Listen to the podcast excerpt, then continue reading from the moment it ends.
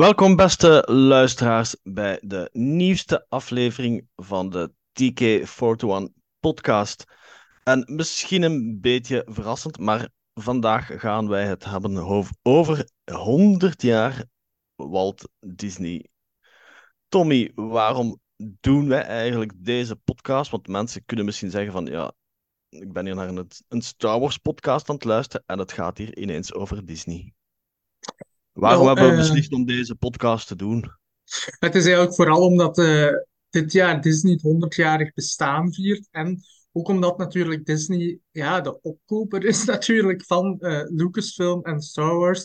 En naderhand ook Marvel eh, Cinematic Universe. En dat is intussen van Lucasfilm al 11 jaar geleden, geloof ik. Dat was op 30 of 31 oktober Ja, 2012. Dus 12. ja.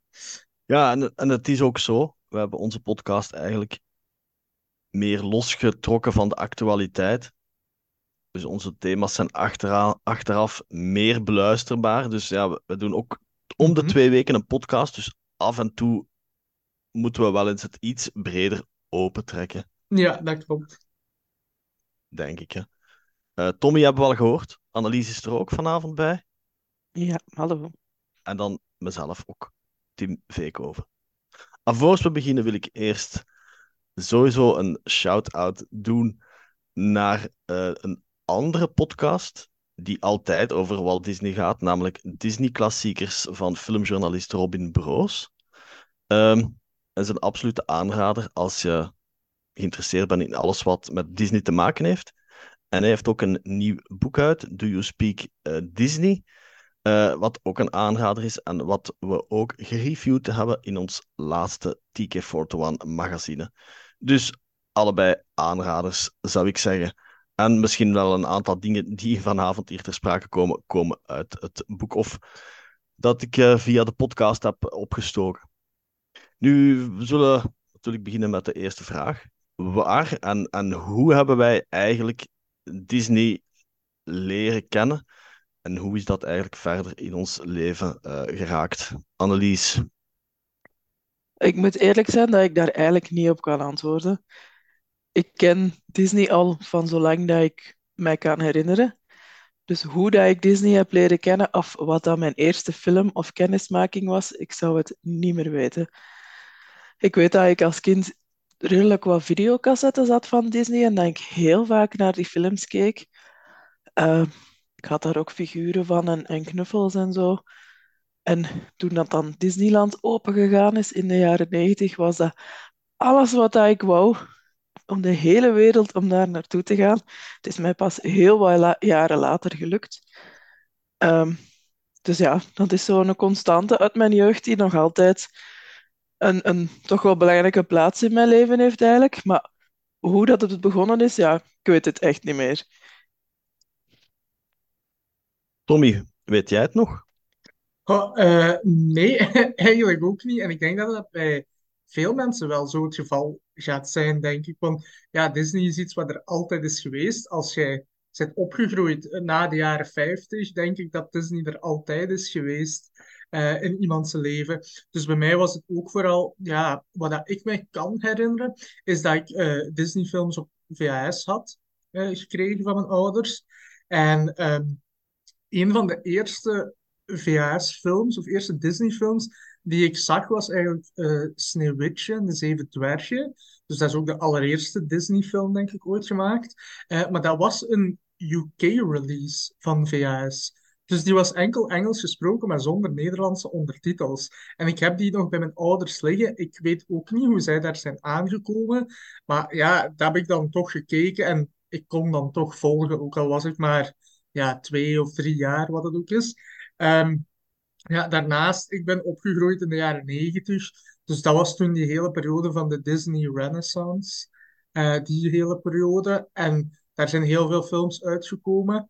Ehm, en dan de eerste film die ik eigenlijk in de cinemazaal zag, was ook een Disney-film. En dat was in 1999 en dat was eh, Tarzan. Dus dat was ook mijn eerste film in de filmzaal. Maar dat was ook meteen een Disney-film. Dus dat is wat ik mij er nog van kan herinneren. Die cassette, wij hadden die, die die VHS met alleen die Engelse versies, wij hadden die Mhm. ook, omdat ze denk ik toen op dat moment hier nog niet waren. Ah, maar het is zo'n, het is zo'n witte doos, denk ik. Ja, wij hebben die Eh, ook. Ah ja, ziet, dus dan, dan was er toch blijkbaar iets waardoor dat die te krijgen was dan Die kwamen uit Engeland, wij hebben die toen uit Engeland gehaald. Ah ja, ziet je. En ik, kan, ik weet niet of dat er iemand van de familie daar was geweest. Misschien dat mijn oom die of zo via via heeft laten afkomen of zo. Maar dat, dat zou ik niet kunnen zeggen. Maar dat was wel een van de... dat is een van degenen dat ik weet dat ik zeker had. Eh, en ja, naast dan anderen, zoals eh Leeuwenkoning en, dergelijke.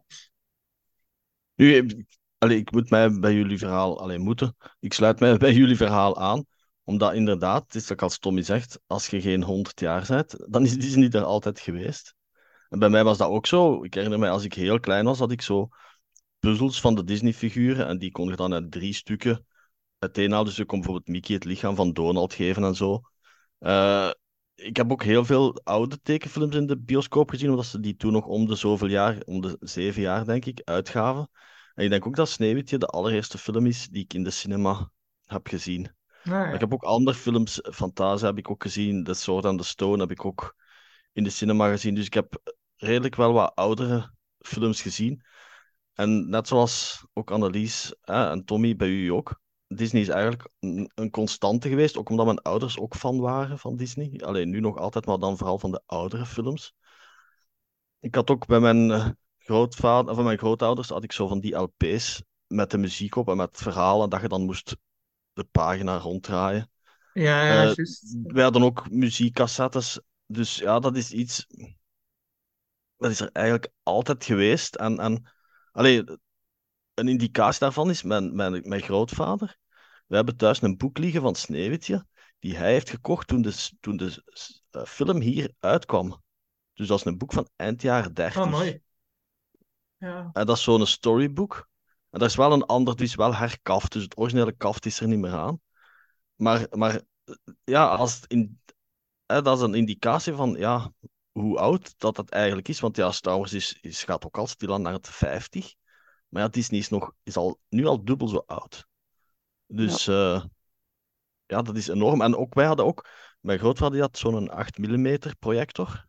En daar had Ja. hij ook vaak van die silly symphonies of van die tekenfilmpjes, like als de, de drie biggetjes en de haas en de schildpad Mm, van Disney. Die zijn we ook uit, uitgebracht. En waarbij ze ook sommige daarvan in de prijzen zijn gevallen.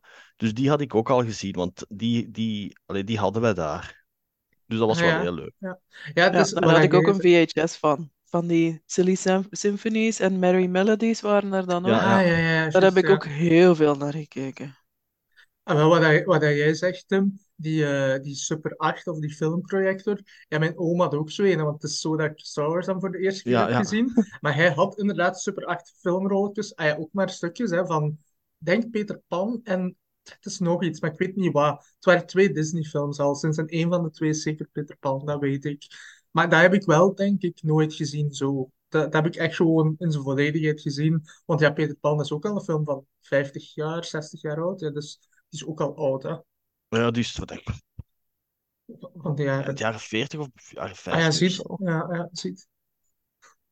Ehm, als we dan, natuurlijk, Disney is, is uiteraard begonnen met, met, met Mickey Mouse. In, in 28 kwam dan Steamboat Willie uit. Ehm, en rond, rond, rond ja, de klassieke oerpersonages van Disney, zullen we ze maar noemen. Eh, Mickey, Donald, Goofy. Ehm, zijn jullie daar fan van? Annelies? Ehm, ja, ik eigenlijk wel. Toch zeker van Minnie. Ehm, ik heb altijd vrij veel dingen van, van Minnie Mouse gehad. En ook de laatste tijd nog altijd. En een van mijn beste vriendinnen woont in Amerika. En daar werkt toevallig voor de, de Disney Company. Ehm, en wij sturen elkaar cadeautjes via de post. En zij heeft de, de gewoonte om ons zo de speciale mini-knuffels te geven. Dus voor mij en mijn dochter. Dus je hebt zo... ehm, elk jaar is er een nieuwe Halloween-mini, een kerstmini. Dus wij hebben thuis al heel veel verschillende minis met speciale outfits.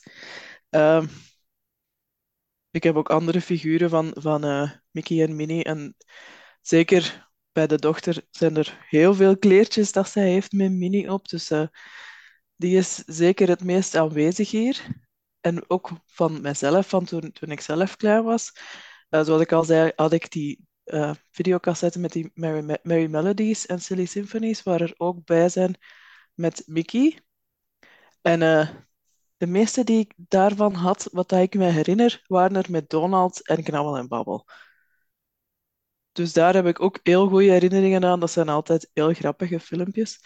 De meeste daarvan staan ook op Disney Plus, maar niet allemaal. Want er zijn er sommige die ik me herinner van vroeger gezien te hebben, die dat ik niet kan vinden. Maar sowieso wel een aanrader. Ook al heel oud, maar het blijft wel leuk om naar te kijken. Ja, voor mij is dat iets anders, omdat ik vooral ben opgegroeid met de films. Dus niet zozeer met uh, Mickey Mouse en die dingen. Maar uh, wat je wel had op Catnet vroeger, was zo het Disney Festival. En in Amerika noemt dat Disney Afternoon of zo, denk ik. En die hadden allemaal zo shows van bijvoorbeeld Aladdin of zo, een, een spin-off show. Maar daar zaten ook wel shows in, gelijk zo Goof Troop met Goofy dan en, en kinderen. En ook, ja, Darkwing Duck en, en DuckTales en van die dingen allemaal. Dus dat is wel een soort van variant of op het gegeven van Mickey Mouse en de bekende personages van vroeger eigenlijk. Dus da daar was ik wel natuurlijk fan van. Um, en Steamboat Willie is dan ook op Disney Plus gezet. Uh, vorig jaar, denk ik, of dit jaar. En dat is eigenlijk ook wel heel leuk om nog eens te zien, want dat is dan zo oud en toch ja, is hij revolutionair. Hè? Alleen zeker voor de tijd toen. Hè? Dus, uh... Ja, het is, het is inderdaad wat je aanhaalt. Uh, na verloop van tijd hebben ze daar eigenlijk ook een, een universum rondgemaakt. Want we hebben dan de stad waar dat Donald en zijn familie woont. En dan ook, ja, ze hebben heel veel spin-offs gemaakt die ook op Disney Plus staan. Maar let ook wel, like als, zoals Disney zelf, voor mij zijn die personages er altijd geweest. Ik had er ook ja, van die PVC-figuurtjes van vroeger. En, en ja, ook vaak die tekenfilms gezien als die op tv kwamen. als, als ze in die klok aan het werken waren, bijvoorbeeld. Ja. Donald, Mickey en Goofy, dus, of, of als die, naar dat spookhuis gingen. Uh, ik had ook thuis zo van die boeken, van die ja, vertel, nee, verhaalboeken van Disney. Uh, en dat was ook een van die verhalen daarvan. Dat ze in dat spookhuis moesten gaan. Dat is juist, dat was ik ook nog vergeten te zeggen. Dat, dat, dat hadden wij ook thuis. Daardoor kende ik ook altijd de verhalen. Want ik heb ze ook nooit in, in gedubde versie zien, gezien als wij in de cinema gingen vroeger. Dat was gewoon de Engelstalige versie. Je had wel subtitles. Dus ik heb ook nooit een Disney-film in het Nederlands. Misschien een keer ooit toevallig gezien, maar dan deden mijn oren waarschijnlijk pijn. Ah, oké. Dus ik ben altijd heel gewoon aan het, ik ben altijd gewoon aan het Engels geweest. Ja, Ja, ik eigenlijk niet. nee, ik Ja. ook niet, de, nee. de, de videocassetten die dat ik had, dat waren er gewoon Belgische. Dus dat was, Ja, dat was de Nee. Nederlandse Ja. versie. En van de films die dat ik als kind alleen gezien heb in het Nederlands, vind ik dat omgekeerde dan weer raar. Als ik dan de Ja. originele versie opzette, is ja. van wow, wat is dat? Mhm. Maar dat is, ja, dat is maar wat dat je gewoon bent, Dat is hè? waar, Ja, dat want is waar. ik heb dat bijvoorbeeld ook bij de Smurfen. Als je naar de Smurfen in het Engels luistert, is dat raar. Mhm. Of Fairly Odd Parents heb ik vaak in het Nederlands Ja. gezien. Als je dat dan in het Engels hoort, is dat echt bizar. Maar Dat zoals ik daarnet al zei, wij, wij gingen dan naar, naar Engeland en wij brachten die films mee in het Engels zonder ondertitels. Nu, ik was toen al oud. Allee, ik was toen al ouder. Maar eh, ja, toen in de cinema was dat zo gewoon zonder ondertitels.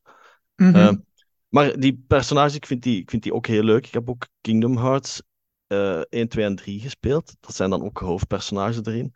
Eh, en Black Pete, of, of Black Pete, dat vind ik eigenlijk eh, dat vind ik wel een coole. Ik heb die ook zoals eh, Boba Fett, die crossover met hem als figuurtje. Ah, ja, ja, die vind ik wel cool. Ah, ik vind ze eigenlijk allemaal, ze hebben allemaal wel iets van die personages, vind ik. Dus ik vind dat eigenlijk een hele, hele leuke eh, wereld die ze hebben gecreëerd. Want mijn, mijn vader, die was ook vroeger eh, geabonneerd op Mickey Mouse, dus was dat een tijdschrift. En die hebben wij ook nog allemaal liggen. Ook zo gebundeld wel allemaal. En ik, in de jaren tachtig eh, las ik ook de Donald, Donald Duck magazine. Maar dat is schijnt een van de magazines, zeker in Nederland, die nog altijd heel succesvol zijn, de dag van vandaag. Die hebben nog altijd een hele grote oplage. Want ja, eh, de meeste papieren magazines gaan achteruit. Maar Ja, ja, dat klopt. Want, maar dat is hier ook geweest, toch? Hè? Want dat is er nog altijd. dat... Dat ligt Ah, hier dat nog hier altijd in de winkel. zelfs. Ja, ja, ja. Ah, oké. Ja. Maar vroeger was het dus Mickey Mouse, maar daar stonden ook andere verhalen in. Eh, onder andere van eh, in, de, ja, in die controversiële film The Song of the South, die, die is niet op Disney Plus staat, eh, waren er ook tekenfilms in van, van ja, Amerikaanse folklore figuren zoals Brother Rabbit en zo. En die stonden ook in die Mickey Mouse eh, verhalen. Dus dat was wel tof. Omdat die zijn hier niet zo bekend, die figuren. Maar het zijn zo'n soort Reinhard de Vos-achtige verhalen dat erin worden vertaald. Maar dan met, ja, met Amerikaanse, Amerikaanse dieren dan eigenlijk. Hè. Ehm, nu, als we kijken naar de 100-jarige geschiedenis, wat is eigenlijk jouw favoriete periode van Disney tekenfilms? Want ik wil ook duidelijk maken dat we het vooral over de tekenfilms gaan hebben. Want, want Disney is zoveel meer. Ze hebben dan die natuurfilms gemaakt. Ze hebben ook heel veel gewone films gemaakt. Denk maar aan The Black Hole eh, en Pirates of the Caribbean of zo. Maar laten we die even opzij schuiven. Laten we ons vooral over de tekenfilms hebben. Dus wat zijn jullie eigenlijk, jullie favoriete periode van Disney tekenfilms? Tommy? Eh, ja, voor mij, ik heb het zelfs al eh, eventjes aangehaald daarnet. Dat is die Renaissance-periode van 1989 tot 1999. Eh, de films die daar toen zijn uitgebracht, dat is, als ik de Engelse titels zeg, is dat Little Mermaid, Rescuers Down Under, Beauty and the Beast, Aladdin, Aladdin, Lion King, Pocahontas, Hunchback of Notre Dame, Hercules, Mulan en Tarzan. En Tarzan is ook, ja, zoals ik al zei, de eerste film die ik zag.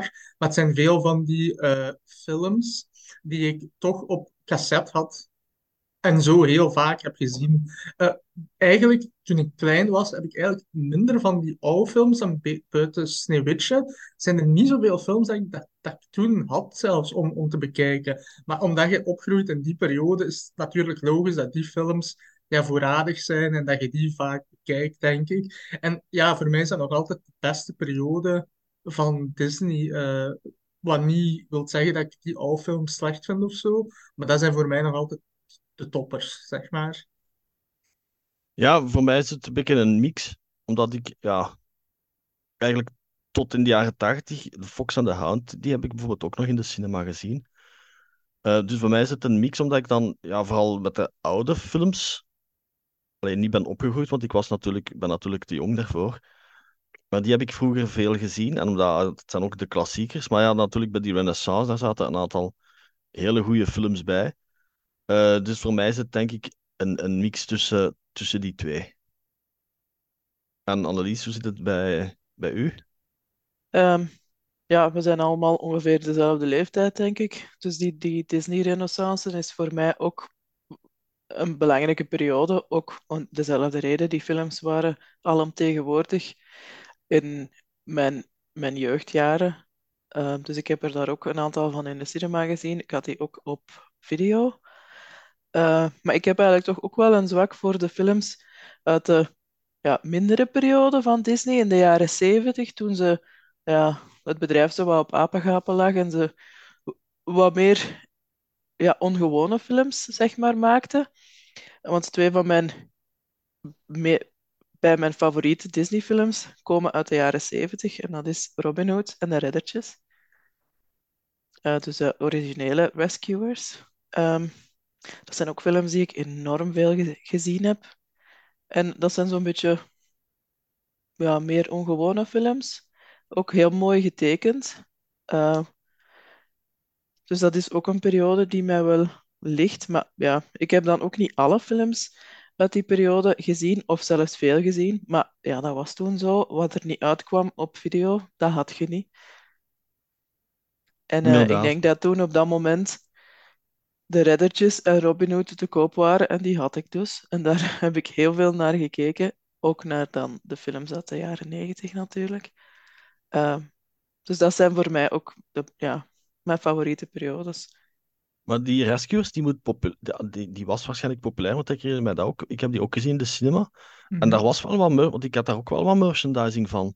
Dus dat moet toen toch wel, allee, toch wel wat Merchandising rond. had ik daar niet van. Ik had alleen die videocassette. Ja, dus dat, allee, daar moet toch wel wat rond, rond te doen zijn geweest, zal ik maar zeggen. Ehm, nu, we hebben het al daarnet licht aangehaald. Wat is eigenlijk onze top 5 van Disney-films? Annelies, welke staat bij u op nummer 5?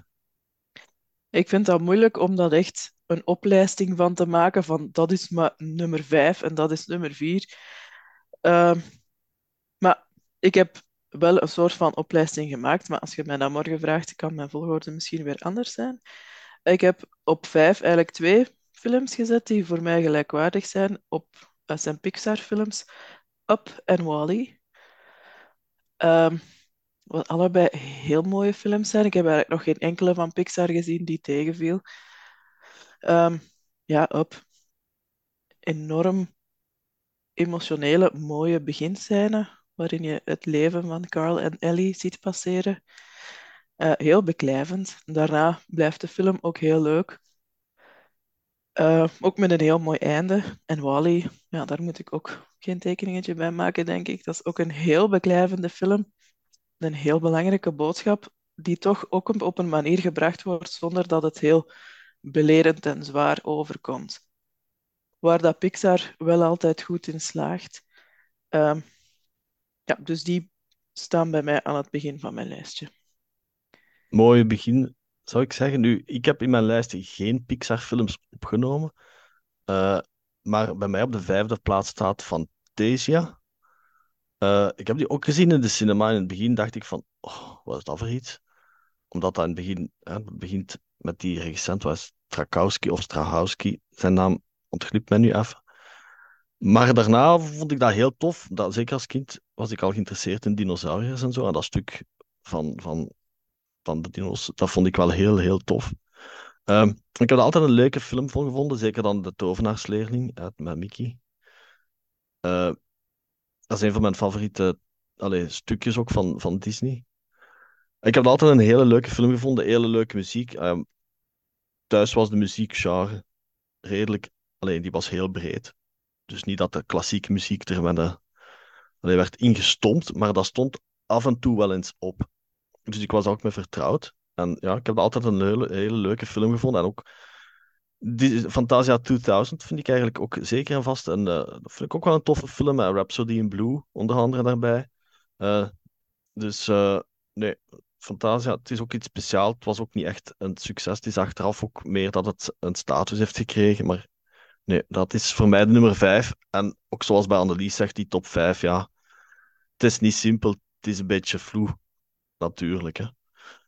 Tommy, uw nummer 5. Uh, eh, ja, bij mij de nummer 5 heb ik gekozen voor uh, Peter Pan, wat dat wel dat is al een oudere film is. Uh, waarom? Dat is ook eentje die ik vroeger op cassette wel had. En die heb ik heel vaak gezien. En ehm, ik had een kleurboek of zo van Peter Pan toen ook. En ja, toen dat ik die film had gezien, had ik ook zoiets van, oh, ik wil ook kunnen vliegen. En, en dat was ook zo leuk als hij dan zo in die, uh, op die kamer van uh, Wendy dan bijvoorbeeld aan het rondvliegen is. En ik had die, uh, die kleurprent uitgeknipt en dan begon ik daar zo mee te spelen en door, door de kamer te vliegen. dus dat vond ik geweldig. Ook zo dat concept van ja, van dat nooit willen opgroeien eigenlijk. Dat is ook wel iets wat dat, denk ik veel mensen van onze leeftijd misschien of dat ons aanspreekt. Ja, en, en daar, daar komt natuurlijk dat Peter Pan-syndroom van uh, uiteindelijk. Um, dus ja, ik vind dat ook een hele goede film. ook al zijn daar nu een paar, ja, soms zijn er zo wat dingen die niet meer in de context, alleen niet meer juist kunnen geplaatst worden in de context, in de hedendaagse context. En met die Indianen-stam uh, bijvoorbeeld. Maar daar trek ik me eigenlijk niet zoveel van aan. Dus voor mij blijft dat echt ja, een van de toppers van, van Disney. Ja, er staat tegenwoordig hè, op heel veel, toch wel een aantal Disney-films, en zeker de ouderen, een soort van disclaimer van ja, dat, het, dat er een aantal dingen inderdaad toen werden afgebeeld die niet meer ja, correct zijn met, met, uh, met ja, die niet gewoon die niet correct zijn. En die, ja, toen, mm -hmm. toen was dat zo. Maar ja, we kunnen ons daar natuurlijk niet altijd uh, heel veel van aantrekken. En ja, bij sommige films, bijvoorbeeld bij, bij Dumbo, staat er ook iets op dat het iets van, van roken. Dan is dat dan, ja, zo van die toestanden, heel raar toestanden. Soms dat je zegt van, wat is dat nu in godsnaam? Dat dan iemand die dan in de achtergrond een sigaret rookt of zo, oké. Ja, Ja, maar ik moet nu wel zeggen, ik heb onlangs Peter Pan nog eens gezien met mijn dochter. En zo die ganse scène met de Native Americans, zal ik dan Mhm. zeggen, is toch echt wel niet meer van deze tijd. Nee, nee, dat is, Hoe dat die getekend zijn en hoe dat die praten en hoe dat ze daar dan mee omgaan, dacht ik echt van, oké, dit is Ja. duidelijk niet recent. Peter Pan ken ik de muziek beter dan de film, want ik moet zeggen, ik, ben- ik val daar eh, heel regelmatig mee in slaap. Oei. Eh, ja, Ja, ik mijn vind die dochter muziek was wel- ook niet geïnteresseerd. Ik vind de muziek wel leuk en Captain Hook vind ik ook een heel leuk personage. Eh, maar eh, ja, En maar nu het, omdat we het even over Peter Pan hadden, kijken jullie of hebben jullie ook altijd eh, vervolgverhalen gezien die dan zo straight to VHS of DVD of zo zijn gekomen? enkel van Aladdin. Ja, ik ging juist hetzelfde zeggen. De vraag Ah ja, van. Jafar, die heb ik wel Ja. gezien. Maar de, En de de derde andere... ook, Ja. En de derde. Annelies, welk, welke film staat er op nummer 4? Een film die ik al eens vermeld had, namelijk Robin Hood. Eh dus op zich niet zo'n heel speciale film. Het is een bekend verhaal natuurlijk, hè, het, het verhaal van Robin Hood. Maar ik heb daar heel veel naar gekeken als kind. Ik vond dat leuk dat dat allemaal dieren waren.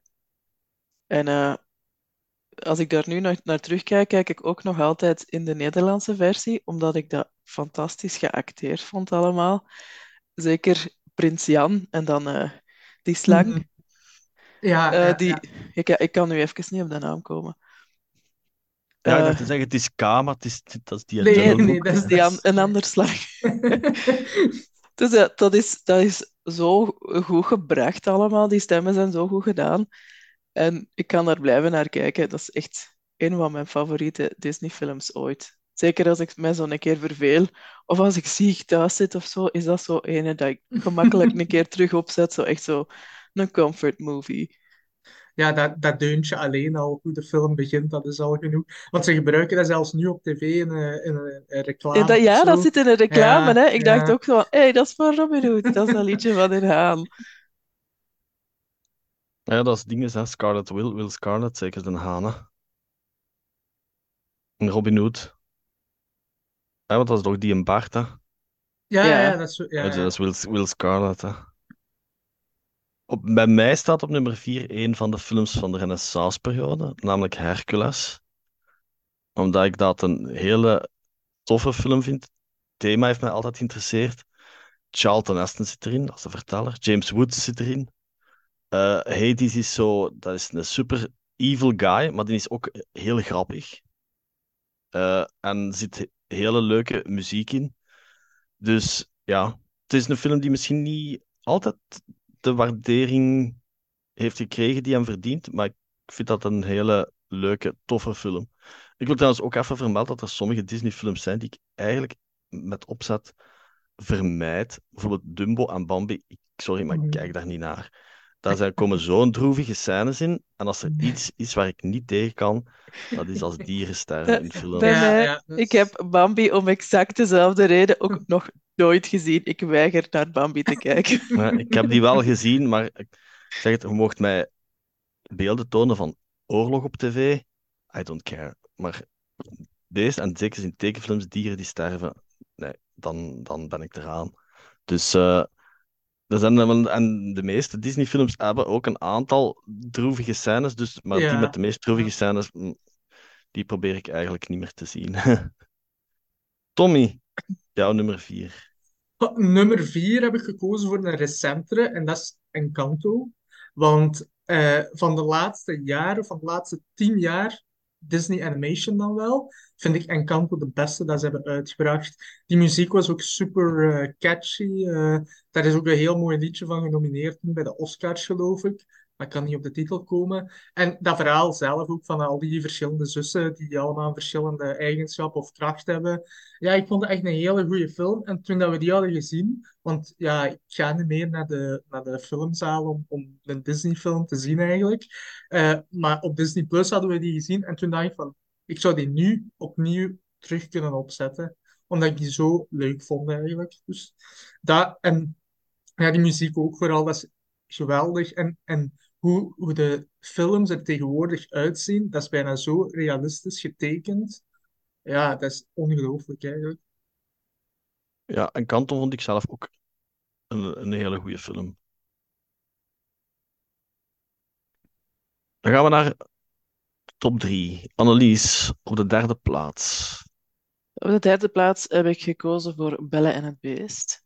Is Beauty and the Beast. Ehm, ja, ik zeg het altijd Nederlands omdat ik de films heb leren kennen in de Nederlandse versie.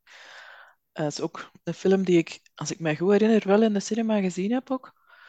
En uh, waar, waar dat ik ook op video dan heel veel naar gekeken heb. Uh, toen we Disney Plus hadden, was het eigenlijk een van de eerste waar dat ik terug naar gaan kijken ben. Het was toen op dat moment echt lang geleden dat ik die gezien had. Maar van het moment dat ik die opstartte, wist ik daar eigenlijk nog zo goed als alles van. De liedjes, zelfs wat dat er gezegd werd en zo. Dus die zit echt ja, in mijn ge geheugen gegrift, zeg maar. Um, het is ook een van mijn favoriete Disney-prinsessen, uh, bellen. Ik vond dat als kind fantastisch dat er in het kasteel van het beest een gigantische bibliotheek was met zo'n ladderke om de boeken te kunnen pakken van de hoogste schappen. Dat als ik, elke keer als ik dat zag, dacht ik van ja, ik wil dat ook. Hè. Ik was een echte boekenworm als kind, dus zo die gigantische bibliotheek, dat was voor mij echt ja, fantastisch. Hè. Dus uh, zeker een van mijn favoriete Disney-films.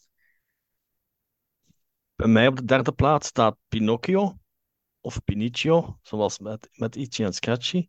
Uh, maar uh, ja, het is natuurlijk een van de eerste films. En het is een, een, een veel uh, lievere vertelling dan het oorspronkelijke verhaal van Pinocchio. Want ja, daar is Pinocchio een echte tuutzak, zullen we maar zeggen.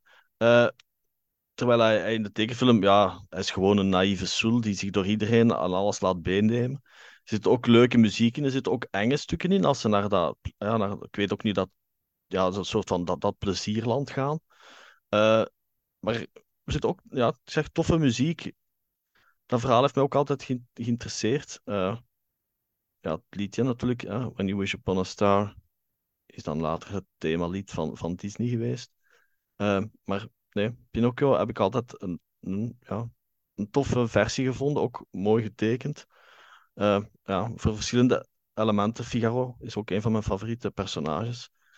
Die soms, soms als, vooral als hem kwaad is, als hem dan zijn goesting die krijgt, dat is typisch natuurlijk het gedrag van een kat. Hè. Dus uh, nee, Pinocchio staat bij mij op nummer drie. Tommy. Uh, bij mij op nummer drie staat Aladdin de originele. Maar ik vind eigenlijk 2 en de 3 ook heel goed. Want ja, dat heb ik ook eigenlijk heel vaak gezien. Maar ik ben toch voor de eerste gegaan.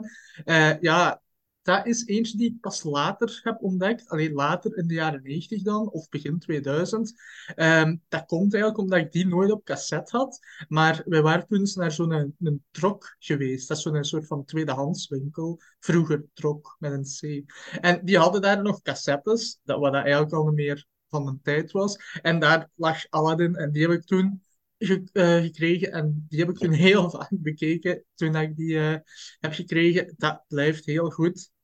Die uh, ja, vliegend tapijt, Abu, alle bekende personages, prinses Jasmine. Dat denk ik ook wel mijn favoriete Disney-prinses is. Prinses Jasmine. Dat is alleszins een van de coolere of stoerdere, of hoe dat je het ook moet noemen ik vind die liedjes ook heel goed. Uh, Friend Like Me bijvoorbeeld, of, of A Whole New World natuurlijk, het, het bekendste liedje uit de film. Uh, maar ja, ik vind dat een hele leuke, als je die ook opzet, dat, zo, dat geeft ook meteen zo'n een, een vakantiegevoel precies, die kleuren ook zo. Zit zo in die woestijn, ja, ik vind dat heel gezellig of zo. dat is zo precies, dat je onder een dekentje of zo wilt zitten en dat, en dat opzetten. Ja, dat is even, zeker een van mijn favorieten. Uh, dan zijn we beland aan onze top 2. Hè. Annelies. Ja, wel, mijn top 2 is dus. Uh, mijn nummer 2 is dus Aladdin. Uh, ja, ik kan er niet veel aan toevoegen. Uh, het is ook een van die films die ik altijd opnieuw kan blijven opzetten. Ik heb daar ook origineel de Nederlandse versie van gezien. waarbij Mhm. de stemmen ook heel goed gedaan zijn en ook zeker de geest toch niet moet onderdoen voor Robin Williams, Mhm. die natuurlijk heel, heel, heel bekend is als de stem van de genie in de Engelse versie. Mhm. Ehm, ja, ik kan er niet veel aan toevoegen. Het is een van mijn, mijn favoriete films ooit. Ook de liedjes dat mij denk ik het, het beste zijn bijgebleven. Dus ja, Wel, verrassing. Op mijn op tweede plaats staat Aladdin. Ja kijk. Ja, maar dat die film geeft zo'n soort heel warm gevoel. Ik denk dat dat wat, wat dat Tommy over sprak. Eh, we hebben die ook op VHS gehad. En dat is ook een film eh, waar ik daarnet zei van... eh, in elke Disney-film zitten er zo droevige scènes, maar in Aladdin zit dat eigenlijk niet zo Mm, super nee. echt. Nee, dat is waar. En ja, dat is zo. Ik had dat ook, ook vaak. Ik heb ook die, die versie op emulator gespeeld op de Super Nintendo van dat spelletje. Eh, die, die liedjes zijn gewoon cool. Jafar is een van mijn favoriete, van de favoriete bad guys. Eh, dus ja, een hele, hele, hele leuke, leuke film.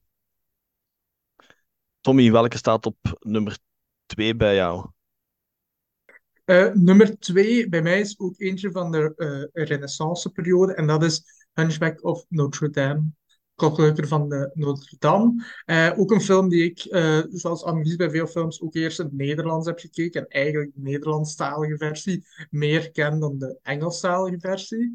Eh, maar dat is een film voor mij, die is, ik vind dat zo'n eh, epische film van Disney. Ik vergelijk dat graag met zo'n films zoals eh, Spartacus of Lawrence of Arabia of zo. Als je echt denkt aan van die epische films met een grote schaal, dat is precies Hunchback of Notre Dame. Eh, het is gebaseerd op een boek, eh, geloof ik. En ik denk dat de Disney-film buiten de gargoyles die dan praten, redelijk origineel is aan het boek, of, of er zullen wel wat dingen aangepast zijn natuurlijk. Maar ik denk wel dat het redelijk faithful is aan het boek. Eh, maar met, als ik dan zeg episch, ja, als je die shots kijkt van die animatie, die Notre Dame en dan met dat, dat stadje daar rond. Zeker als ze uit de lucht zo precies zo'n eh, shot doen, dat lijkt ook zo gigantisch groot. Eh, ook bijvoorbeeld op het eind van de film, als daar die kerk of, of het stukje voor de kerk daar helemaal in vuur vliegt, dat is ook zo, die schaal is immens groot, precies. Dat is zo mooi in beeld gebracht. Eh, die personages zijn ook heel leuk, want ja, Quasimodo is niet meteen een personage dat je eh, ja, veel sympathie misschien voor zou hebben als je hem ziet op, op ja, uiterlijk vlak of zo. Maar hij is heel sympathiek gemaakt en, en ook hoe de personages reageren op hem en met hem. Eh, die gargoyles, ik weet dat dat iets is wat veel mensen stoort, omdat die zo de comedy relief zijn. Maar ik vind dat eigenlijk wel goed, want anders zou die film denk ik iets te donker zijn. Zeker met eh, Frodo als bad guy. En die is toch wel soms een beetje creepy en, en ook niet echt vrouwvriendelijk of zo. Dus, eh, maar ja, en, en dan die muziek ook. Ah, die is ook, ik denk dat dat muziek is van Alan Menken, denk ik. Die is ook super, super goed, die soundtrack. Dat is ook eentje die ik eh, zeker, ja, want ik, heb, ik verzamel ook soundtrack-CD's. En van de Disney soundtracks die ik heb, is dat eentje dat ik wou, absoluut wou hebben. Mooi, mooi. En dan zijn we nu bij de eerste plaats beland, uiteraard. hè. Annelies, welke film heb jij op nummer 1 gezet? Voor mij, mijn aller, allerfavorietste Disney-film is De Reddertjes. Eh, ik had er daar straks al eens over gesproken. Dus dat blijft voor mij eigenlijk de nummer één. De film die ik het, het allerliefste terugzie, waar ik ook de beste herinneringen aan heb. Ehm, het is misschien niet de beste Disney-film dat ooit gemaakt is, maar het is wel een die voor mij heel veel goede herinneringen oproept, heel veel nostalgie. Eh, ik heb daar als, ja, als kind heel veel naar gekeken, ook nu kijk ik daar regelmatig nog eens naar. Eh, de personages van de muisjes zijn heel leuk. Ook de andere diertjes die ze dan leren kennen in het moeras, met vooral dan Helibel, die hen rondvaart op dat blad. Ehm, Medusa is ook een van de meest angstaanjagende Disney-villains, vond ik zeker, toch als kind.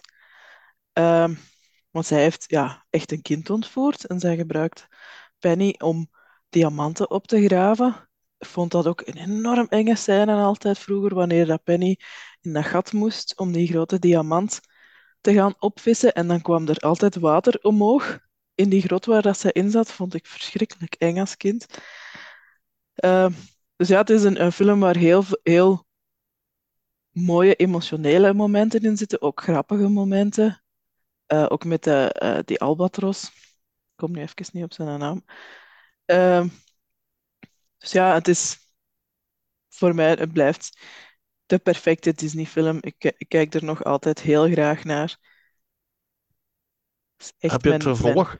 Mijn... Heb je ook het vervolg gezien dan? Van The Rescuers ja, Down ja, ja. Dus, uh, de riddertjes in Kangarooland was dat dan in het Nederlands, dus die heb ik ook gezien. Ik moet wel zeggen dat het al heel lang geleden is dat ik die gezien heb. Ik ja, had die ook op video, of ik die in de cinema gezien heb, dat kan ik me niet herinneren. Maar het is in elk geval een film waar ik nog niet echt naar, terug naar gegrepen heb, of die ik nog niet vanzelf uh, terug opgezet heb of zo. Dus ik denk niet dat hij zo'n grote indruk op mij gemaakt heeft. Ik, ik, heb hem zeker wel gezien. Misschien moet ik hem nog eens zien, want het is, het is wel echt heel lang geleden. Ja, ik, ik denk niet, ik heb die film nooit gezien, denk ik, maar ik heb wel gehoord dat die ook zou onderschat zijn, dus dat dat, allee, Hmm. dat eigenlijk wel geen slechte film is. Maar eh The Rescuers Down Under is dan een van de weinige Disney sequels die wel een theatrical release heeft gekregen. Want daarbuiten zijn er denk ik Ja, heel weinig, hè? Of, of bijna geen, denk ik zelfs. nee, inderdaad. Dan gaan we naar eh, de film die bij mij op nummer 1 staat. En ik heb gekozen voor Beauty and the Beast. Ook voor verschillende redenen. Eh, die muziek, daar komen we straks nog op terug. Eh, het- ja, het verhaal is natuurlijk ja, een, een oud sprookje. Eh, ook de personages. Ja, ook, ook zeer uitgesproken en het is mooi getekend. En ja, ik vind het gewoon een, een, een hele mooie film. En het is ook niks voor niks dat de film is genomineerd geweest. Niet alleen voor beste tekenfilm, maar ook voor beste film. Geloof ik de allereerste keer ooit. En dat was mijn recht en reden. Nu in die Renaissance, ik zeg, zitten heel veel goede films. Maar Beauty and the Beast is ja, heel, heel, heel speciaal. Tommy, welke film staat bij jou op nummer 1? Eh, voor mij is de nummer één eentje die jij al genoemd hebt. En het is niet echt meteen een fan-favorite, denk ik, maar voor mij is mijn favoriet Hercules ook. Want eh, dat is eentje die ik super vaak heb gezien als kind. Eh, en ook weer omdat ik die cassette had. Ik had daar zelfs, eh, maar daar denk ik dat we het subiet nog over, gaan, over hebben. Ik had daar zo'n grote 12-inch pop van, van Disney. Want Disney bracht heel veel merchandise uit vroeger. Nu is dat, ja, bijvoorbeeld Frozen wel, maar andere Disney-films hebben niet superveel merchandise. Maar vroeger hadden die echt actiefiguren en, en poppen en Barbies. Want er is ook zo'n Mac uitgebracht van Hercu- Hercules die je helemaal kunt kleden en een andere outfit en de haarkammen eigenlijk. Ehm, maar Hercules is voor mij sowieso de absolute favoriet, die ik ook het meest herbekijk altijd. Eh, die muziek ook, ja, die staat heel vaak op. En niet alleen eh, twee liedjes of zo, maar echt die hele soundtrack, die beluister ik dan. Ik vind, eh, net zoals u, die, die interesse in die goden en zo, ja, dat vind ik al heel interessant. En het is ook tof dat ze zoiets hebben gedaan, zo goden met dan gospelmuziek. Het is zo'n rare combinatie, maar om een of andere reden werkt dat supergoed bij mij. En ik weet dat er veel mensen zijn die dat niet zo goed vinden, of, of die geen fan zijn van zo'n rare mix natuurlijk. Maar ik vind het echt super mooi. En ook op het einde bijvoorbeeld, als hij dan kiest voor een leven met Mac in plaats van bij Zeus te blijven met de goden en zo, ja, dat is altijd janken.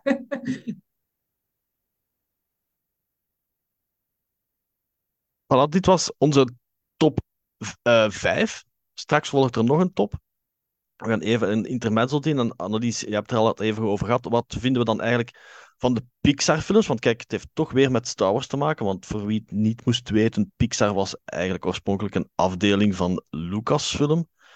Maar Lucas heeft het dan met de jaren uh, 80 doorverkocht aan Steve Jobs. Uh, Tommy, wat vind jij van, van de Pixar-films? Want ze zijn, het zijn natuurlijk Disney-films, maar ja, een beetje zoals Lucasfilm. Ja. Uh, zeker ja, voor mij, Pixar, dat is eigenlijk gelinkt aan Disney. Het is soms in de nu is het soms moeilijk om het onderscheid te maken tussen een Pixar-film en een animated film. Dat was toen in de beginperiode wel anders, omdat je echt wel zag dat dat met computer was gedaan en de andere films echt getekend. Maar nu is die lijn eigenlijk redelijk dun geworden. Maar ik ben altijd fan geweest van Pixar. Eh, en soms vond ik die films zelfs beter dan de Disney animated films. Of, misschien sommige oudere die ik dan bijvoorbeeld minder goed vind. Ehm, ik denk de eerste die ze hebben gedaan is uh, Toy Story in 95, geloof ik. En dan de volgende was A Bug's Life. En A Bug's Life is eentje die ik heb gezien in de cinema. Maar dat was zo'n... Uh, je kunt zo Kids at the Movies was dat vroeger. En dat was een voorstelling om tien uur of, of half tien s morgens. En ik weet nog dat we naar die film waren gaan kijken. En, uh, en je kon daar zoiets winnen. Als je onder je stoel een poster had. Of op de poster die je uh, kreeg zat een bepaalde nummer. En ik had daar iets gewonnen. En dat was zo'n knuffeltje van een van die, uh, die, die beestjes die hun eigen zo oprollen, die insecten. Maar ik ken de naam ook niet meer van die beestjes of, of hoe die noemen in de film. Maar dat vond ik een hele leuke. En ja, Toy Story is echt revolutionair. Hè? Ik bedoel, als uh, ik verzamelde toen, of ik had toen al figuren, ja, wie zou dat niet cool vinden dat ze speelgoed tot leven kwam? Dus uh, ja, buiten zo de beginperiode en alles daarna is er eigenlijk heel veel dat ik heel goed vind. De enige ja, reeks die ik minder vind, is de Cars films. Omdat die eerste, we hebben daar onlangs zelfs nog eens opnieuw naar proberen te kijken. Dat lukt niet. Na twintig minuten of een half uur staat dat af. Dat is, ik denk dat het toch iets...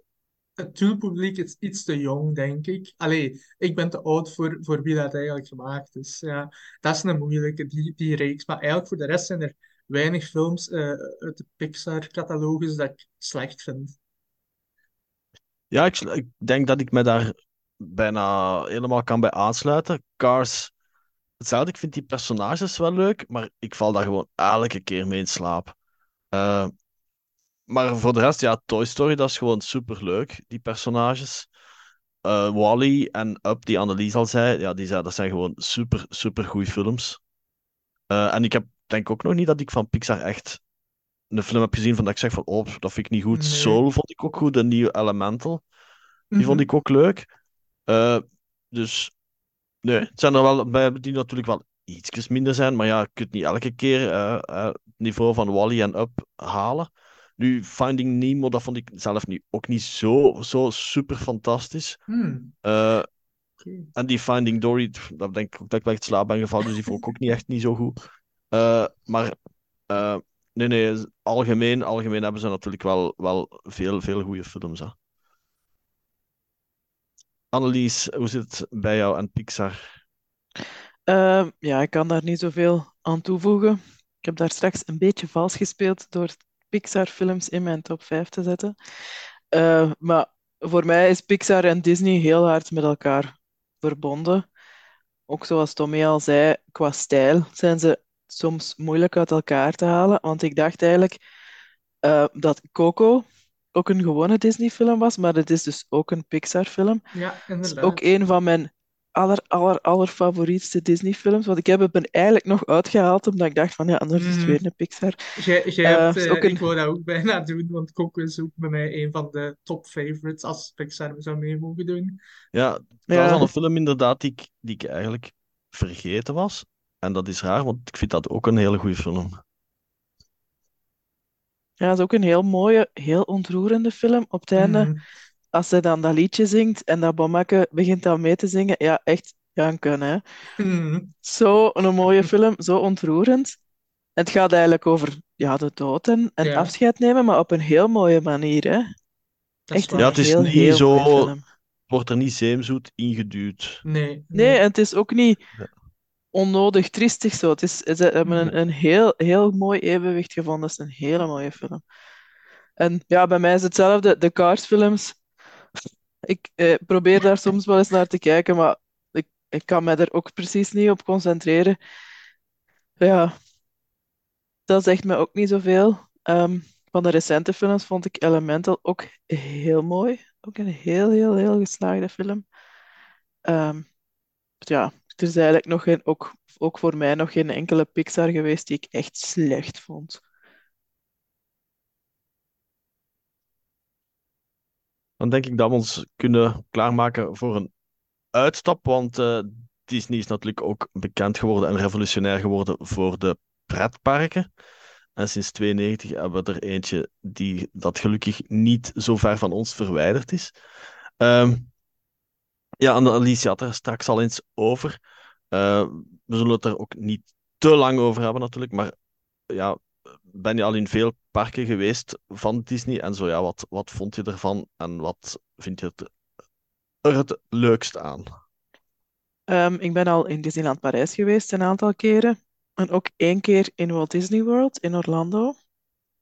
Maar dat is ondertussen wel al um, een jaar of twaalf geleden. Dus daar is ondertussen al veel veranderd. En Galaxy's Edge bijvoorbeeld, dat bestond toen nog niet. Um, ja, Disneyland is een van mijn favoriete pretparken.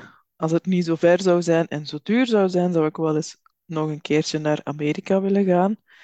Maar ja, het is eh, toch een verre reis en de, de kostprijs is veel hoger dan Disneyland Parijs, waar dat je toch al gemakkelijker wel eens een deal kan vinden. Is ook veel, veel dichterbij om naartoe te gaan natuurlijk. Ehm, ja, ik ben altijd wel te vinden voor een paar dagen Disneyland. Uh, we zijn vorig jaar de eerste keer geweest met de dokter. Maar die is ziek geworden. Die heeft daar de griep gekregen, dus we zijn moeten naar huis komen. Dus dat was een beetje in mineur.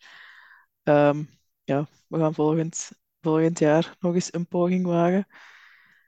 Uh, maar het is iets waar, dat, waar dat ik altijd voor te vinden ben. De magie dat er is. Ja, dat klinkt nu zo melig, maar er is wel zo een Disney-gevoel dat er, dat er heerst als je daar bent, waar dat ze ook wel veel moeite voor doen om dat in stand te houden door de muziek en de aankleding en uh, personeel die in Parijs wel niet zo vriendelijk zijn als in Amerika, maar dat is dan het Parijs zijn uh, dat de oorzaak is, denk ik. Parijzenaar zijn. um, ja. Ik ga er niet, verder niet te veel over uitweiden, maar Disneyparken zijn zeker bij mijn favorieten. Ik ben enkel alleen in Disneyland Parijs geweest, maar al een, een aantal keer. Vroeger, zeker in de jaren 90, gingen wij regelmatig. Ik heb het ook gezegd op de podcast van Star Tours lang geleden. Maar ik ben destijds kunnen gaan uh, iets voor de officiële opening, omdat mijn oom toen bij de BBL Travel werkte. Dat was een reisbureau dat afhing, een soort zusterbedrijf van de BBL Bank. En toen was nog niet alles aangeplant, dus het was echt een proefopening en daar liep van alles fout. Mijn neef bestelde uh, een cola en die kreeg heet water, voor, bedoeld voor een thee en zo van die toestanden, dat was hilarisch. Maar ja, voor mij was natuurlijk vooral Star Tours, omdat in die periode, jaren 90, zeker in Europa, was het heel stil rond Star Wars. En Star Tours, dat was Disneyland is op zich al eigenlijk een andere wereld. Hè. Het is like als je zei, Annelies, je komt daar binnen en dat is inderdaad een andere, een afgesloten wereld. En Star Tours was eigenlijk een soort van mini-Star Wars-eiland uh, in die periode, omdat ze toen ook heel toffe merchandising hadden. Dus in de loop der jaren is dat wel veranderd. De laatste jaren is, het terug meer, is Star Wars terug meer aanwezig in de parken. Uh, maar ja, buiten Star Wars zelf zijn die parken natuurlijk ook, ook heel leuk. Al vind ik het enkel wel een beetje jammer in Parijs dat er wel een deel authenticiteit aan het verdwijnen is. Bijvoorbeeld in Discoveryland zijn er heel veel originele concepten van Jules Verne. Bijvoorbeeld, ja, dat is waar. Die Hyperspace Mountain is nu ook van Star Wars geworden. Nu, voor mij hoeft dat per se niet. Hè. Nee, uh, en ze hebben het ook zo heel halfslachtig gedaan. Hè? Want ze hebben er zo bij wijze van spreken een Star Wars sticker op geplakt. En dat, nu is het Hyperspace Mountain, maar aan de buitenkant ziet hij er eigenlijk nog hetzelfde uit. Het heeft zo nog wel dezelfde stijl. Um, ja. Dus ja, voor mij hadden ze het ook gewoon hetzelfde mogen laten zoals het was. En een nieuwe attractie van Star Wars, dat zou natuurlijk altijd mogen. Maar ja, het is inderdaad wel jammer. Zoals een van mijn allerfavorietste rides is de Tower of Terror. Waar dat ze of dat het nu in Disneyland is of in Disney World, dat weet ik niet meer. Maar in een van de twee hebben ze die veranderd naar Guardians of the Galaxy. En uh, dat zou ik ook vreselijk vinden, moesten ze dat in Disneyland Parijs doen. Want het Nu is het Twilight Zone, Tower of Terror. En dat is zoiets heel speciaals. Hè? Nu, de, de Twilight Zone, de jeugd van tegenwoordig gaat dat niet meer kennen. En ja, voor mij is het eigenlijk ook al veel te oud, want ik denk dat dat in de jaren 50 misschien zelfs op de tv kwam. Ook wel voor mijn tijd, maar gewoon de, de manier waarop dat, dat hotel zogezegd is aangekleed en het verhaal van die lift en zo, dat is zo origineel en zo leuk. Ik zou het echt jammer vinden als ze daar bij ons ook Guardians of the Galaxy van zouden maken. Ook al vind ik Guardians wel heel leuk, hè? Dat is mijn favoriete eh, franchise van Marvel, denk ik.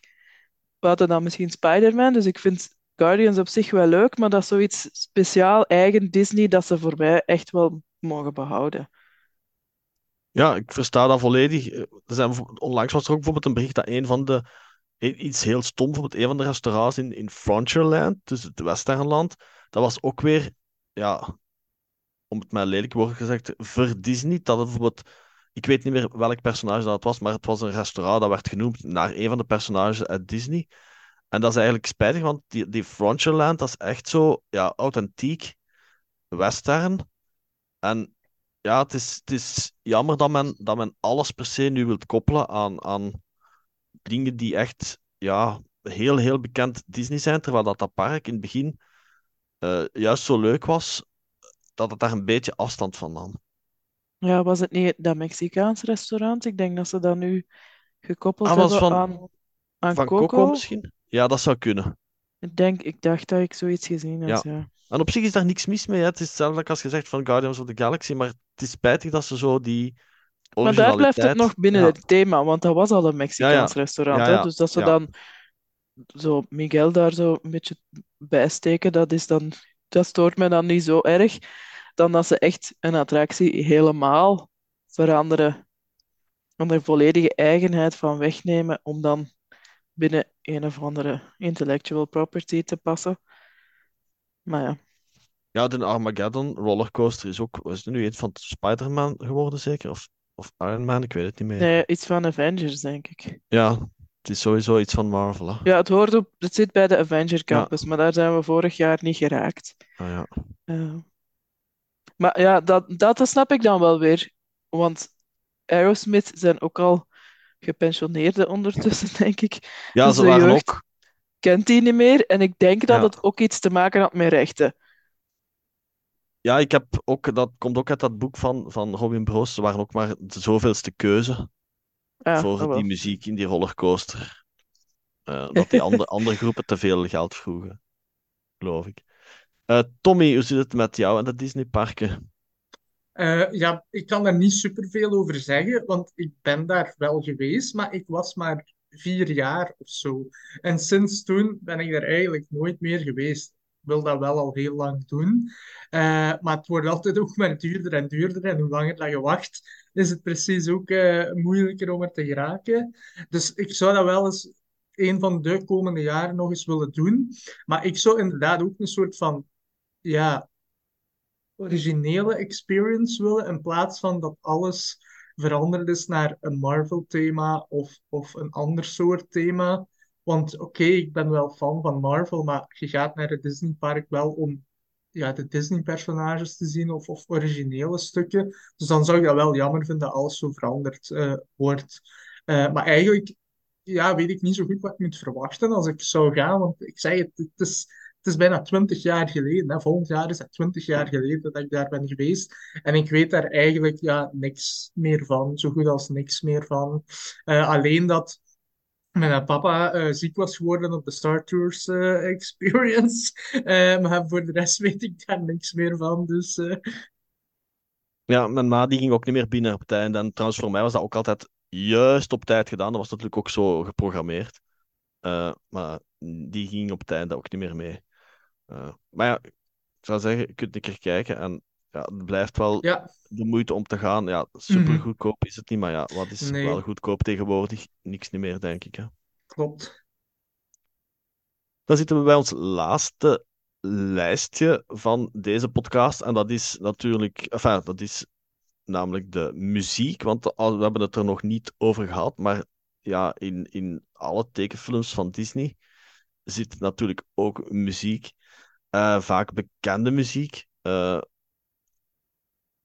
hoe zit het met onze top 5? Tommy, welk nummer staat er bij jou op de vijfde plaats? Eh, ja, het is moeilijk, want ik heb niet altijd eh, nummers gekozen, omdat dat soms moeilijk is om van op een bepaalde soundtrack één nummer te kiezen. Nu, ik, één, het is ook niet van vijf tot één, want het is eigenlijk voor mij allemaal eh, op dezelfde hoogte. Maar als ik denk aan Disney-muziek, en zeker uit mijn jeugd, dan is Phil Collins een beetje de, ja, de muziek uit mijn jeugd. Hè. Als je dat linkt aan de Disney-films, Tarzan en Brother Bear, daar heeft hij veel muziek voor geschreven. En als ik dan toch een nummer moet kiezen, ja, dan is het uit eh, Tarzan, want dat is dan toch de eerste film die ik heb gezien. En dat is dan eh, Son of Man, bijvoorbeeld. Maar dat kan ook eh, de andere nummers zijn uit de film. Maar als ik eentje moet zeggen, dan is het die. Want die heeft een hele goede ritme en beat en dat gaat ook heel snel vooruit. Ik weet ook dat als zo die... eh, vaak op zo Disney-cassettes heb je zo de trailers van oudere films of wat ook uitkomt bijvoorbeeld. En een van de trailers was ook Tarzan. En in die trailer zit ook een heel cool eh, muziekstuk. En dat eindigt met Tarzan op zo die boom. Dus die is zo aan het eh, slingeren in de jungle. En die eindigt met zijn voeten zo plat op die boom staan. En die kijkt zo achter hem dan zo boom. En dan stopt die muziek. Maar dat is zo een heel leuk stuk dat ik mij eh, herinner. Of een leuke trailer. Annelies, welk nummer staat er bij jou op de vijfde plaats? Eh, ja, een top maken van nummers van Disney vond ik eigenlijk nog moeilijker. Ehm, ja, het zijn vooral alle liedjes van een film die ik leuk vind. Als ik er dan eentje moet uitnemen, ook, ik ga er vijf vermelden, maar niet in specifieke volgorde. Eh, een van mijn favorieten is eh, het liedje van eh, De Kleine Zeemeermin, Part of Our World. Ehm, hoe heet het in het Nederlands? Ik kom er nu niet echt direct op. Ja, dat zo eindigt dat op die stenen, je kent dat wel. Eh, dus dat, is een van de, van de bekendste en ook voor mij wel bij mijn favoriete Disney-nummers. Is ook ja, recent terug in de aandacht gekomen door de live-action remake trouwens, die ik nog moet zien. Want die trouwens goed was, vond ik. Ja, Ja, het is niet dat ik hem niet wil zien, maar het is er nog niet van gekomen. Part of This World heb ik trouwens al regelmatig, als ik ooit eens een lezing moet geven voor Star Wars, gebruik ik eh, die scène als vergelijking met Luke die naar de ondergaande zon op Tatooine staat te kijken. Ah ja. Want zij noemen dat in Disney een, dat is een typische I Want song, hè, wat dat het hoofdpersonage Ja. wil, maar eigenlijk is dat mythologisch gezien de call to adventure eigenlijk. Hè. ah ja, ja. Dus daarvoor gebruik ik dat Ja, vaak. zit ook vaak Die in vergelijking. zo'n soort van nummer. Mijn eh, nummer, het, het is ook inderdaad het is moeilijk. Heb toch geprobeerd, maar dat kan ook weer eens veranderen. Bij mij op de vijfde plaats staat Want to Be Like You uit Jungle Book. Eh, het liedje dat wordt gezongen door King Louis. Eh, Louis Prima is de zanger. En ik vond dat, vind dat een, een heel, heel, heel cool nummer geworden. Het is ook een hele leuke film. Jungle Book vind ik ook heel tof. Eh, dus ja, dat is, staat er bij mij op de vijfde plaats. In de jaren negentig trouwens, ooit nog een keer die Jungle Book, Book remix, die stond zelfs op de top 30. Want mijn buur Ah, die kocht altijd zo die, die, ja, die cd's van de top 30, maar dat was dan, Mhm. oh, wat dat stond daar dan in van die, van die in-house muziek in die tijd. En, en, en dan stond ineens dat liedje daartussen van, van Bare Necessities en dat van eh, King Louis, dus dat was wel kei grappig dat dat daarop stond. Ehm, Tommy, welk nummer staat er bij jou op de vierde plaats? Eh, vierde plaats heb ik eentje gekozen dat een beetje atypisch is. Dus we kennen allemaal de muziek van eh The Lion King, uiteraard. Eh, maar ik heb geen nummer gekozen van The Lion King. Ik heb nummer gekozen uit The Lion King 2, Simba's Pride. Ik weet niet of jullie die al ooit hebben gezien, maar de, het liedje dat ik heb gekozen is He Lives in You. Dus dat gaat over de kinderen van, van Simba. En ja, dat is echt een super mooi nummer. Je moet dat maar eens opzoeken, ook al heb je de film niet gezien. Dan gaat het eigenlijk over dat Mufasa nog altijd in Simba natuurlijk ja, leeft. Hè. Het zit in zijn hart. Echt een super mooi nummer. En ja, waarschijnlijk niet zo gekend, omdat de tweede film ook niet zo gekend is. En ik denk ook niet dat superveel mensen die hebben gezien. Eh, maar dat is echt een van mijn favoriete liedjes, ja. Annelies, jouw vierde plaats. Ehm, de vierde plaats, ook weinig origineel, maar muziek die ik heel goed blijf vinden, ook al heb ik hem al ontelbare keren gehoord, is de muziek van Frozen. Ehm, ja, een van de favoriete films van de dochter, dus die staat hier regelmatig op. Maar de muziek word ik eigenlijk niet beu. Eh, ja, Let It Go is natuurlijk een van de bekendste, maar ook Do You Wanna Build a Snowman is een heel mooi nummer. Ehm, ja, het is, een, het is natuurlijk ook muziek van, van eh, bekende mensen die ook musicals maken. Uh, kom eventjes niet op de naam. Het is een, een Mexicaanse Uh, Edina. Menzel, of nee, is dat die? Nee, dat is de, de Dat zangeres. is, de- zangeres, dat is de zangeres, Ja. juist. De muziek van Frozen 2 was trouwens ook goed. Ja, Ja. ja. Ook goed. Ja, daar zit dat, dat zalig nummer in waar Christophe zo een rockballad zingt. Mhm. Ja. Omdat hij zo ja, niet weet wat hij moet doen met Anna, of hij haar nu ten huwelijk moet vragen of Mhm. niet. Is ook een heel leuk nummer. Eh, dat staat niet in mijn lijst, maar dus ja, vooral de muziek van de originele Frozen film ben ik na zoveel keren nog altijd niet beu. Zeg het, ik vind, ik vind het heel moeilijk. Bij mij op stop in de vierde plaats staat er misschien ook een ehm, niet zo conventioneel nummer. Dat is het nummer Evermore uit de live-action versie van Beauty and the Beast. Het nummer dat wordt gezongen door het Beasto, door Dan Stevens, ook bekend uit Downton Abbey. Eh, wanneer dat bel weg is en eh, ja, hij vervloekt eigenlijk zichzelf eh, dat ze er niet meer is.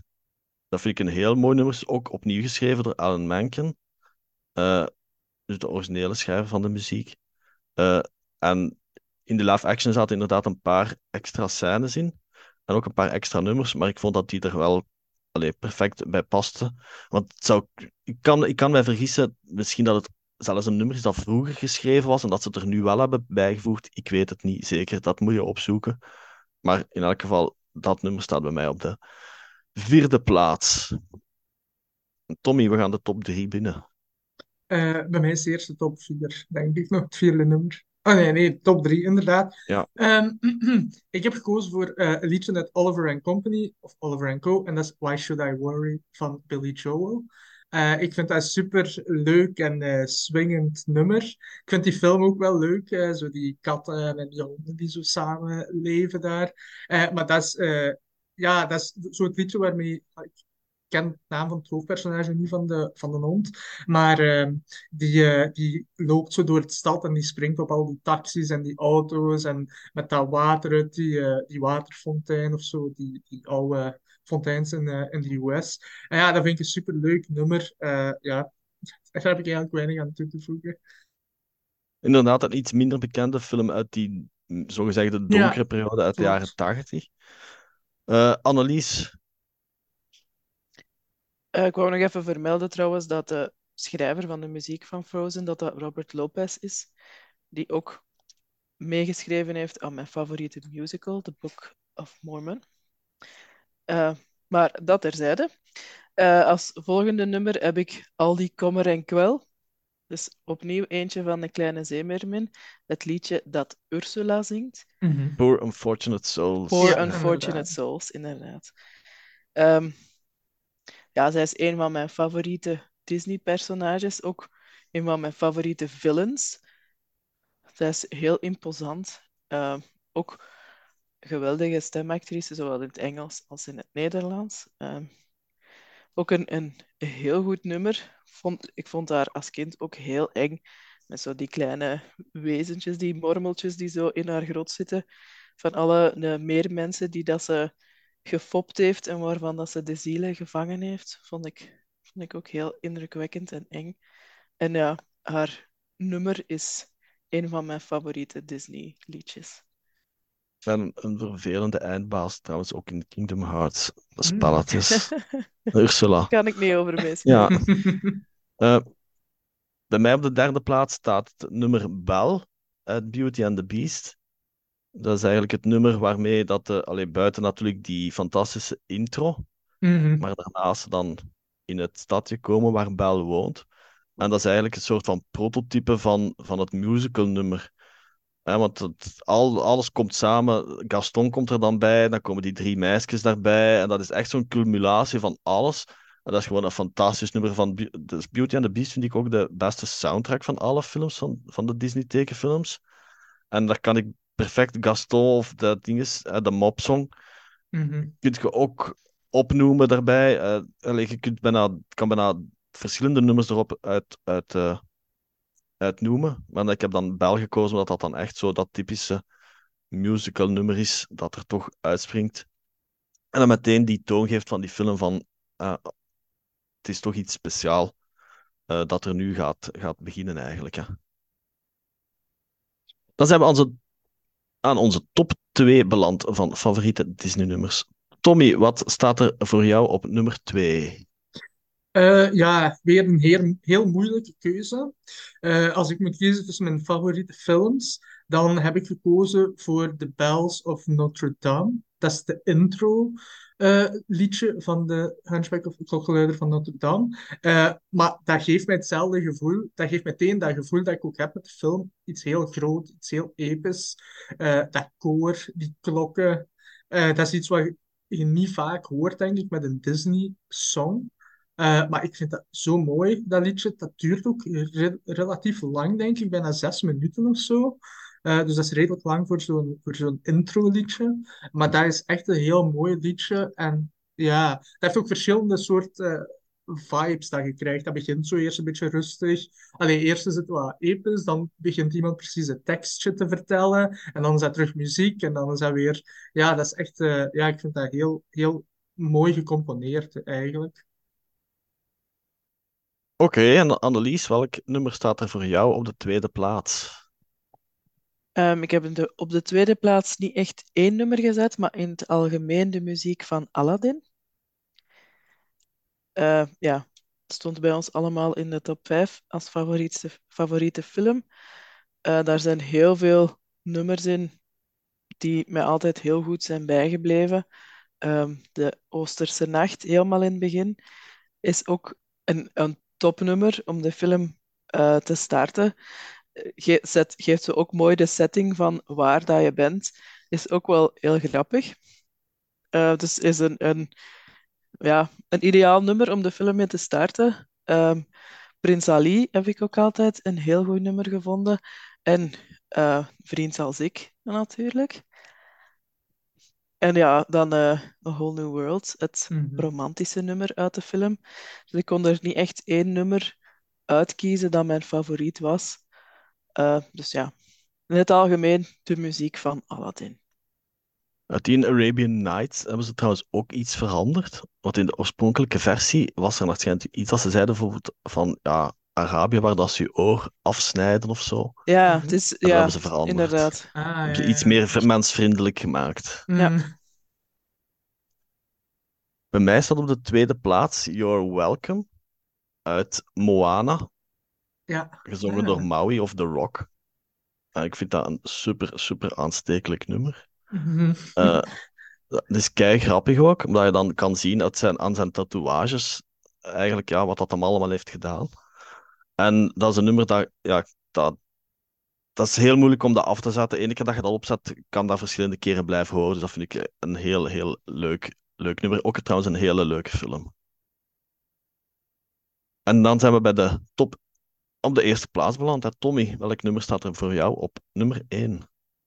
Eh, ja, ik heb dan toch gekozen voor een liedje uit eh, Hercules, dus mijn favoriete film. Maar ik vind heel die muziek goed, dus Go the Distance of Zero to Hero, zelfs de intro van eh, Long Ago, dat is de intro van Zeus. Ja, alles vind ik goed, maar ik denk, ja, een van mijn favorieten, dat is I Won't Say I'm in Love.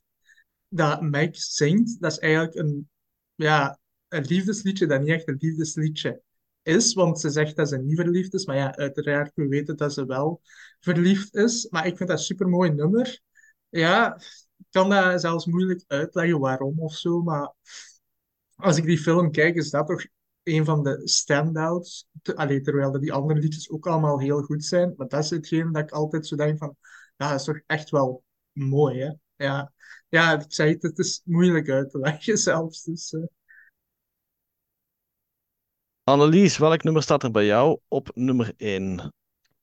Eh, op nummer 1 heb ik ook weer algemeen de muziek van een film genomen, namelijk van De Leeuwenkoning. Of ja, The Lion King natuurlijk. eh, met muziek van Elton John. mhm. Eh, dat zijn denk ik van alle Disney-nummers ook degene die het meeste gewoon op de radio gespeeld worden, waarschijnlijk. Die, die ook bekendheid hebben op zich, zonder dat, de- dat ze bekend zijn als Disney-nummer. Ehm, het is een film die niet in mijn top 5 stond. Waarom? Ja, omdat daar een zielige scène in komt. Hè? We weten allemaal wel de welke. Ik heb die als kind ook wel dikwijls gezien. Maar als ik als zo de Stampede ging beginnen, dan ging ik altijd toevallig naar het wc of zo. Want dat vond ik dan te erg om naar te kijken. En ik heb die eigenlijk recent ook al heel lang niet meer gezien. Maar ja, dat ik dan denk van, ja, nee. Nee, te zielig. Maar de muziek is mij wel heel hard bijgebleven. En ja, zoals ik al zei, die nummers worden ook regelmatig op de radio wel eens gespeeld. Dus ja, die zijn op zich ook wel heel bekend. Dus eh, dat is voor mij de nummer één van Disney-muziek. Het is heel grappig, maar mijn nummer 1 is ook al gezegd geweest. En mijn nummer 1 is I Won't Say I'm in Love. Ah, oh, Uit oké. Hercules. Ja, Kijk eens aan, ja. Dat een heel mooi nummer. Het is niet zo'n bekend nummer. Er staat ook een hele leuke cover op YouTube van Ariana Grande. Ja, Een heel klopt. bekende artiest, totaal niet de muziek waar ik naar luister. Maar dat nummer zingt ze wel heel mooi. Ik vind dat een heel mooi nummer. Ook die achtergronddanseressen, die achtergrondzangeressen die ertussen komen. Eh, ik denk, moest je dat nummer gewoon laten horen op de radio, hadden ze zeggen, wauw, dat is een fantastisch nummer. Als ze zouden zeggen, Mhm. het komt uit een Disney-film, zouden de mensen nu niet geloven. Ja. Eh, ja, maar ja, ik zeg het, in de Hercules inderdaad, daar zitten ook andere goede nummers in, maar dat vind ik ja, een heel speciaal nummer. Het is inderdaad geen echt... Ja, het is ook, ze geeft zichzelf eigenlijk de schuld en ze wil het niet toegeven, omdat ze, ja, Mhm. ja, ze is eigenlijk in dienst van, van Hades eerst. Eh, nee, dat is ook mijn nummer één. Dat had ik niet verwacht, eerlijk gezegd. Nee. Nee, het is ook, het is, het is inderdaad geen, want ja, er zijn zoveel nummers dat je, like als Let It Go, Ja, Let It Go. ja. Ik heb geen kinderen, dus ik ben dat nummer nog niet beu gehoord. Ik vind dat altijd een heel super, alleen nog altijd een heel mooi nummer. Eh, en ja, er zijn ook in de oud, oude films zijn er ook wel hele leuke nummers. Eh, maar je moet ergens een keuze maken en er zijn er nog zoveel die we niet hebben kunnen opnoemen, uiteraard. Dat is misschien nog een keer goed voor een podcast voor later, als we nog eens zonder Star Wars ideeën zitten. En dan hebben we nog dan de, ja, als uitsmijter gaan we het ook toch nog even moeten hebben ook over merchandising. Want ja, Disney en merchandising, denk, denk ik, eh, ja, pioniers wel op dat vlak. Eh, ja, Tommy, hoe zit het met jou en Disney merchandising? Ja, dat heeft eh, vroeger bij mij wel een grote rol gespeeld met films waar dat ik fan van was. Dus ik heb al gezegd dat ik bijvoorbeeld zo een, eh, een pop had van Hercules. Eh, maar daarnaast had ik ook zo een pop van Ariel, van de Kleine Zeemeermin. Ik weet eigenlijk niet waarom, waarom dat mijn ouders dat hebben gekocht voor mij. Want dat is eigenlijk ja, een, een meisjespop. Ja, toen in die tijd was het zeker eh, jongens, meisjes, eh, een beetje gescheiden. Maar ja, ik had wel een pop van Ariel, blijkbaar. Eh, en ja, die Hercules had ik dan. En iets wat dat mijn ouders wel kochten. dus vroeger had je Polly Pocket, maar ik heb van die Polly Pocket van Disney gehad. Dus dat waren zo echte playsets. Dus daar was bijvoorbeeld het kasteel van Belle and Beast had ik. De, de tempel, of hoe moet je het noemen, van Aladdin. De, Die eh, Cave of ja. Wonders naar Nee, niet die Cave of Wonders. Ah, Echt paleis- het paleis, het paleis, van de Jafar. Ja. Eh, van Peter Pan had ik daar zo'n kleiner setje van. En van The Lion King had ik zo de, de, de Rock, zeg maar. Hè, ja, waar dat het gebeurt. Hè, waar dat Simba tentoon wordt gesteld aan de wereld. Eh, dus dat is eigenlijk een groot stuk geweest van dingen dat ik had. Want ik heb die nu nog altijd. En dat waren echt zo van die kleine, kleine figuurtjes. Dat was zeker niet groter als 2 centimeter of zo, als het dat al was. Maar super leuk. En je hebt zo meteen een heel grote playset waarmee dat je kunt spelen. Eh, en ik heb ook gezien dat die recent, want ik had die eens opgezocht, dat die heel moeilijk te vinden eigenlijk zijn. Want het is ook weer zoiets uit de jaren 90, denk ik, dat, voor, dat vooral gemaakt werd. Maar nu bestaat dat eigenlijk allemaal meer. Het is, het is vooral de populairste films waar daar nog iets van uitkomt. Maar toen had je echt van elke film wel iets. Eh, ik weet bijvoorbeeld Atlantis, dat is nu ook wel een minder gekende Disney-film. Maar eh, mijn mama die werkt bij Bayer en die hadden een product, Atlantis. Dat was dan voor een sproeistof of zo, ik weet niet, voor de boeren. En als cadeau kregen die allemaal Atlantis op DVD, een Disney-film op DVD. Ik weet niet waarom, maar ja, zo werkte dat toen. Eh, en ja, ik heb nog zo van die random dingen altijd gehad, eigenlijk, eh, van Disney. Eigenlijk denk ik zonder te weten dat je toch veel meer hebt dan dat je denkt. Ook al verzamelt je dat niet echt. Annelies, zit het bij jou? Ehm, ja, als kind had ik vooral de VHS-cassettes dan van Disney. Ik had ook boekjes, eh, maar ik kan me niet herinneren dat ik echt veel merchandise had. Ik denk wel wat knuffels, maar poppen of zo heb ik daar eigenlijk niet echt van gehad. Nu, vandaag, de dag dan weer wel. Ik had het daar straks al over de minis, eh, waar dat we verschillende knuffels van hebben. En ook, we hebben ook een aantal Mickey-knuffels en andere knuffels. Ook redelijk wat dingen van Frozen, natuurlijk. Ehm, dus van moderne Disney merchandise is er hier wel een en ander te vinden. Maar zo van vintage dingen of, of van, van vroeger, niet echt. Ja, ik had, ik zeg het, ik heb het er straks ook al gezegd, als kind had ik ook wel wat merchandising, onder andere ook van die action transfers die heel populair waren uit de jaren 70 en 80.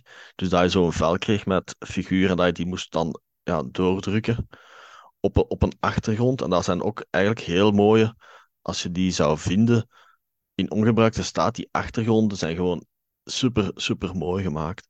Nu, wij hebben thuis redelijk veel Disney merchandising. Natuurlijk niet in de categorie van de topverzamelaars. Maar mijn vrouw is ook grote fan van Disney. Dus dat is ook wel handig bij een verjaardag of het een of het ander. Er is zoveel op de markt dat je altijd wel iets kunt vinden. Eh, dingen in de kerstboom, Funkos, Lego. Van die eh, ja, blind boxes die ze nu ook op, op Fact bijvoorbeeld verkopen vanuit Japan, want daar zijn, hebben ze ook altijd heel speciale merchandising. Eh, beeldjes, poppen, dus ja, er zijn een aantal vitrinekasten vol grief. Eh, en ik denk dat het ook wel zo zal blijven, want ja, ze vinden altijd wel leuke dingen uit die, ze, die, die interessant zijn eigenlijk eh, ja, om te kopen. Hè. Voilà, ik denk dat we stilaan rond zijn met deze podcast. En ik denk, ik hoop dat de luisteraars nu zin hebben om weer hun favoriete Disney-film op te zetten. Dan denk ik dat we zijn geslaagd in onze opdracht om deze podcast interessant te maken. Eh, ik dank jullie voor aanwezig te zijn en ik dank al onze luisteraars eh, om nog eens naar onze podcast te luisteren. En tot binnenkort voor een nieuwe aflevering.